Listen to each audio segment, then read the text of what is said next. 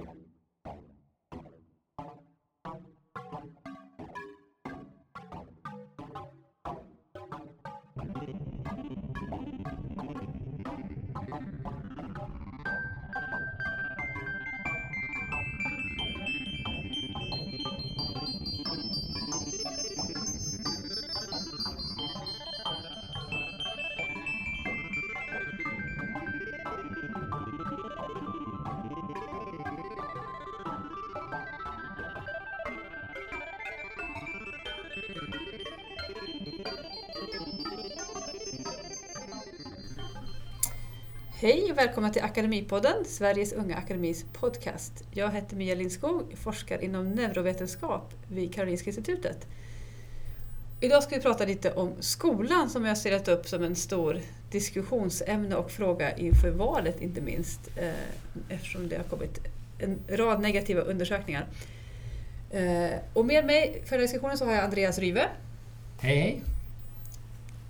Var forskar du på? Var kommer ja, du ifrån? Jag är professor i matematikteoretik och eh, arbetar på Mälardalens högskola och är gästprofessor i Umeå också. Och så har vi Marie Wiberg. Och jag är docent i statistik vid Umeå universitet och forskar inom kunskapsprov. Du forskar inom kunskapsprov, så lämpligt. Vad, har du någonting att säga kort bara om de här undersökningarna? Eh, vi ser ju ett mönster där Sverige tappar både på PISA som den senaste men även TIMSS-undersökningar som också mäter eh, elevers kunskap i matematik och naturvetenskap, men då för årskurs 4 och årskurs 8. Och det här har ju, alla har ju gått i skolan och alla tycker väldigt mycket eh, om det här. Men vad vet man någonting, Andreas? Ja, vet och vet. Jo, vi vet att det beror väldigt mycket på vad som händer i klassrummet. Eh, barnens möjligheter att lära sig matematik. Det kan låta självklart men det måste ändå sättas i relation till vilka satsningar som har gjorts i Sverige på många, många miljarder på utematematik eller eh, läxhjälp. Eh, vad har vi mer? Vi har eh, kommer på det, utematematik och läxhjälp. Det är utanför klassrummet. Matte-labbgrejer. Just det. Lab, laborativt material har varit en, jätte, tack, har varit en jättestor satsning. Eh, som inte har något forskningsbelägg och är utanför kärnverksamheten. Så, eh, man kan ju säga, jag, jag, kan inte säga att de är dåliga men om man eh, vill förbättra någonting så kan man ju gissa att man satsar på kärnverksamheten. Och kärnverksamheten är det som sker i klassrummet. Och vi, vad vi vet från forskningen hur det bör ungefär se ut för att barnen ska lyckas utveckla de här matematiska tänkandet som krävs. Och vi jämför det med vad som vi vet hur det ser ut i Sverige. I De största studierna så finns det en hel del att göra helt enkelt. Så eh, din fråga var, vet vi vad det beror på? Ja, I den meningen att, att det klassrumsundervisningen och kopplat till vad läraren har för kompetens och vad läraren får för stöd. Där är ju en, en huvudfaktor. Men har lärarna fått mindre stöd eller sämre stöd nu jämfört med för tio år sedan? Eh, ja, och sen är det också så att det är helt andra typer av krav på vad eh, kursplanerna, vad man vill att barnen ska kunna. För, för var det mycket som vi har växt upp med, många av oss i alla fall, att man ska kunna räkna och följa läraren och, och det kommer man väldigt långt på.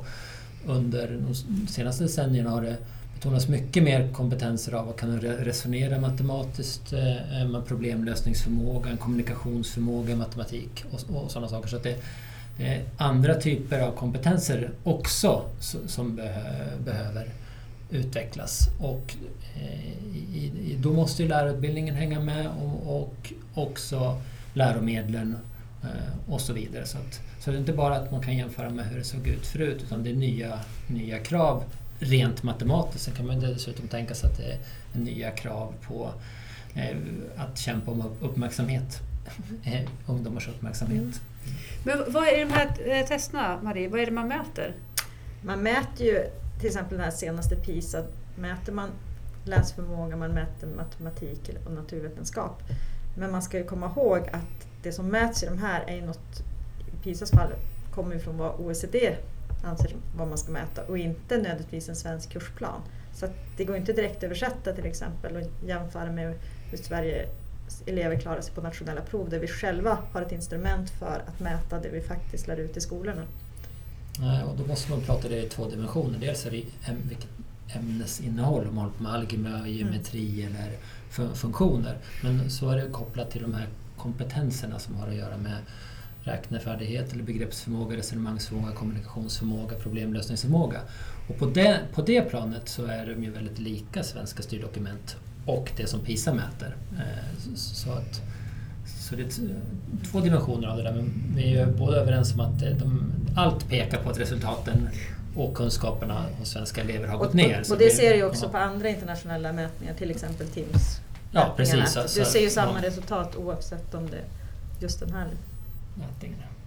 Är det så att vi i Sverige ligger eh, speciellt dåligt i matte jämfört med läsförmåga, läsförståelse till exempel? Eller har vi gått ner i allt? Uh, jag är inte bombsäker på det där men vi har gått ner i allt med matten har verkligen gått ner och sen är det intressant om man jämför det, det, det, svåra med till exempel PISA är ju det att det går i cykler. Alltså, var tredje år så mäter man framförallt matematik, var tredje år naturvetenskap och var tredje år läsning. Men man har lite av det andra. Så att egentligen är det mest jämförbart i år till exempel att jämföra matematik och matematik tre år tillbaka. Alltså, för du har lika mycket uppgifter eller liknande som du mäter. Just, inte tre år tillbaka då eller? Nej. Tre, ja. 12 år tillbaka. Ja precis, alltså cykler om mm. var, var tredje gång så att säga. Ja. Självklart. Ja. Tack. Men det du sa Andreas var att, att uh, vi har gjort satsningar i skolan som egentligen inte har satsat på, på lärare och klassrumsundervisning utan vi har satsat på grejer som ligger utanför, liksom, som stödverksamhet. Men vi har glömt att satsa på huvud... Ja, det är väldigt många delar i det där. Ja. det är lite svårt att veta var man ska börja egentligen. Men till exempel om man börjar på slutet av 80-talet och 90-talet så gick man från ämneslag mycket till arbetslag. Eh, i skolan. Och arbetslag gör att det sitter en historielärare, en samhällskunskapslärare, en svenska lärare, en mattelärare kring en, en grupp och sen i nästa arbetslag så är det samma uppsättning. Så bara där så säger vi att ämnena är inte så viktiga. Man får ju ingen att diskutera matematikundervisning med mm. utan då pratar man andra viktiga saker. Elevhälsovård eh, eller eller ja, jag vet inte exakt, Generell men generella pedagogiker. Så, så då tar ju ämnena ett steg tillbaks där. Ja. Eh, Eh, Eh, sen är det kopplat också till vad man ser vad en lärare är. Det är lite svårare att mäta men till exempel när vi jämför hur lärare och lärarutbildare i Finland eh, talar om sin undervisning och vad effektiv undervisning är med dem när vi pratar med dem i Sverige så är det väldigt olika typer av bilder som byggs upp. Eh, i, I Sverige är man responsiv och man går in och känner efter vad eleverna är och, och försöker anpassa sig efter dem. Medan Finland tar man mycket mer täten som en lärare och sätter upp mål, vad ska vi göra och, och driver saker. Så, där. Så, att, så, så, det kan... Att vi har en undervisning där läraren är... är ja, man, det är så lätt att man blir negativ eller positiv, men man är responsiv är ju något fint. Man skulle mm. kunna säga passiv också. Så jag vet inte mm. om man inte lägger någon värdering, men det är väldigt olika syn på vad ett effektivt klassrum är. Helt enkelt med att sätta mål, testa, följa upp eller gå dit och känna efter vad de är.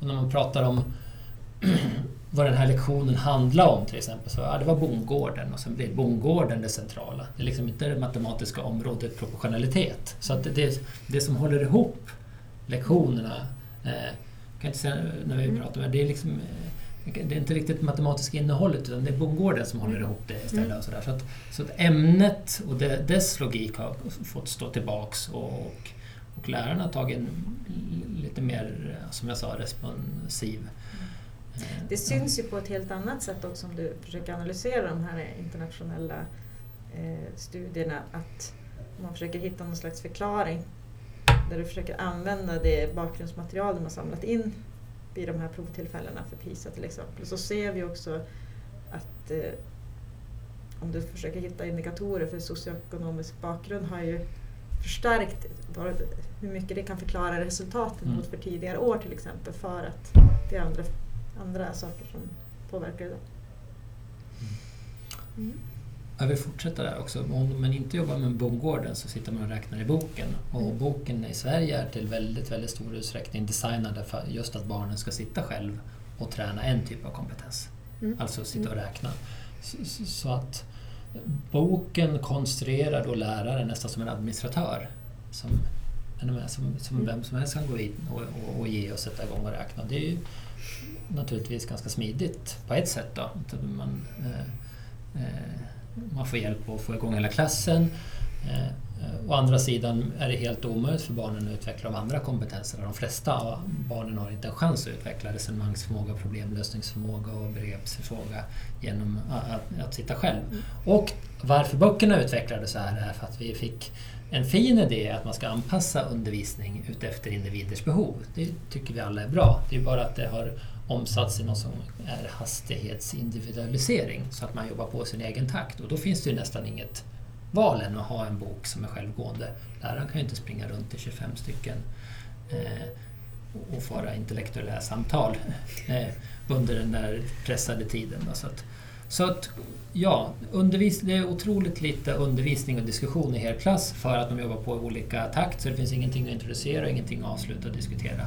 Och det är ett, satt, ett sätt att handskas med den här individualiseringen som en fin tanke men det finns andra sätt att handskas med den. Men det är där, tror du att det är därför också Marie som det är, som du har fått, som du sa att socioekonomisk bakgrund spelar större roll? Därför att man blir mer självständig, man får klara sig mer själv helt enkelt. Ja, ja, absolut. Mm. Och det handlar också om vilket stöd du har hemifrån. Ja, mm. visst. Och om man har ett bra stöd hem, hemifrån, det är klart. De klarar sig. De klarar sig mm. alltid.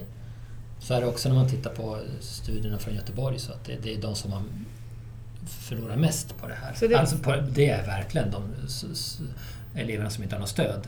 När man säger att de ska ta e eget ansvar för mm. sitt lärande och, och utveckla sin mm. egen kunskap och sånt där så, så blir det supertufft helt enkelt. Så den här individanpassningen gjorde att man tappade dem ännu mer, ännu de som mer. låg dåligt Alla, Och det är intressant också, det är inte bara så att de, de, de som är låg, har svaga har blivit mm. jättesvaga utan det är verkligen att alla har blivit sämre. Det är mycket färre som är För det är också så att du får inte den här utmaningen heller, att du vill man har ingen att prata med. Man får inte den där utmaningen bara för att man räknar vidare och sen så kommer man ner i årskurs 8 när man är 6. Det är fortfarande ingen utmaning. I, alltså, I någon bemärkelse är det det men det är fortfarande alldeles för liknande typer av aktiviteter som är kopplade till att sitta och räkna istället för att utveckla ens tänkande. Vad, har ni några bra tips på hur vi ska lösa det här då? ja. Ja, eh, det, satsningen som har gjorts här med, med till exempel Skolverket och Matematiklyftet är ju första riktiga satsningen som är forskningsbaserad för det första och inriktas mot klassrummet. Och tar ett helhetsgrepp så att man inte bara jobbar mot en skola och med några lärare utan försöker jobba mot en kommun som man tar tag i. Det är som om man skulle gå ut till ett företag och så jobbar man bara med en grupp Eh, som är på verkstadsgolvet och VDn och alla cheferna har ingen aning. Det är klart att det bara dör ut till slut för det finns inga förutsättningar.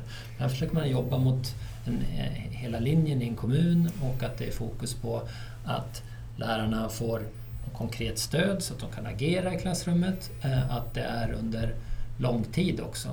Så att det inte bara är en föreläsning utan de får jobba kollegialt med sina kollegor för att utveckla undervisning och pröva undervisning och reflektera under, eh, kring undervisning.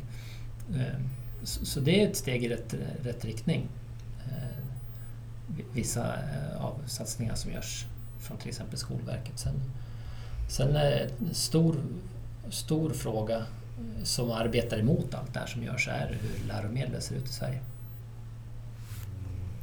Ehm, jag skulle väl eh, också lyfta upp det här eh, provcentreringen som har kommit till Sverige. Något som man har sett till exempel i USA redan funnits sen de eh, fick något som heter No Child Left Behind där man bestämde sig för att börja testa mycket mer i USA. Det här är väldigt många år sedan, säkert minst tio år sedan, jag kommer inte ihåg exakt vilket år det, den gavs. Där man sa liksom att då måste man ju testa barn hela tiden för att se hur de ligger till.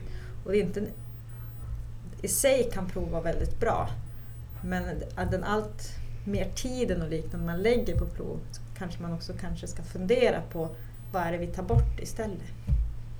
Det, och vad är det det ger med ytterligare ja, mm. prov i liknande What you test it is what you get, så det beror ju alldeles på hur proven ja. ser ut. Och vad det, det är klart att mycket, det är mycket enklare att utveckla multiple, multiple, multiple choice test mm. eh, som eh,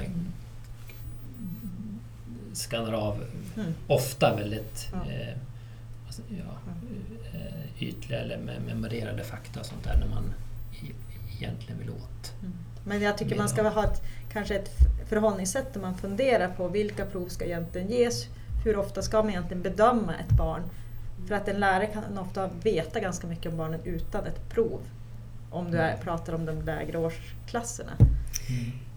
Ja, eh, gäller det också med betyg? Att man har, att man har föreslagit att man ska sätta betyg längre ner i åldrarna? Det blir också en bedömning som tar ganska mycket tid och kraft. Du måste ju alltid väga mot vad skulle du ha gjort Mm. istället. Och vilken tid skulle du ha lagt på någonting annat. Och vad gör man av proven? Och vad gör man av Mm. proven? Mm. Vad används de till i slutändan? Så jag tycker man ska ha ett reflekterande förhållningssätt och inte bara sätta prov för att man tror att man bara måste mäta hela tiden. För det finns, Det har- en kostnad. ja, det har en kostnad. Vad bra! Tack så mycket Andreas Rive och Maria Wiberg.